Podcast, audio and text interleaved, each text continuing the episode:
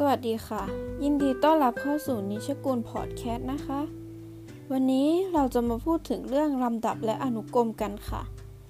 เรามาเริ่มต้นที่ลำดับกันก่อนเลยนะคะลำดับ ตามบทนิยามลำดับคือฟังก์ชันที่มีโดเมน เป็นเซตของจำนวนเต็มบวกที่เรียงจากน้อยไปมาก โดยเริ่มตั้งแต่ 1 เรียกว่าลำดับค่ะ ในการเขียนลำดับ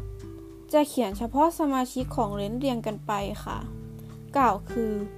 ถ้า A เป็นลำดับจำกัด จะเขียนแทนด้วย A1 A2 A3 ไปจนถึง AN ค่ะ ถ้า A เป็นลำดับอนันต์ จะเขียนแทนด้วย A1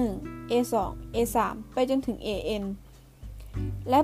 สามารถไปต่อได้เรื่อย ๆ ค่ะ เรียกว่า A1 เป็นพจน์ที่ 1 ของลำดับ A2 เป็นพจน์ที่ 2 ของลำดับ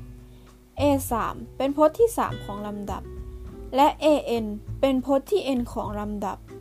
หรือพจน์ทั่วไปของลำดับค่ะ ต่อไปอนุกรมนะคะ อนุกรม คือผลจากการบวกสมาชิกทุกตัวของลำดับไม่จำกัดเข้าด้วยกันค่ะ หากกำหนดให้ลำดับเป็น AN นะคะ จะได้ A1 A2 A3 ไปเรื่อยๆ จนถึง AN ค่ะ อนุกรมของลำดับ AN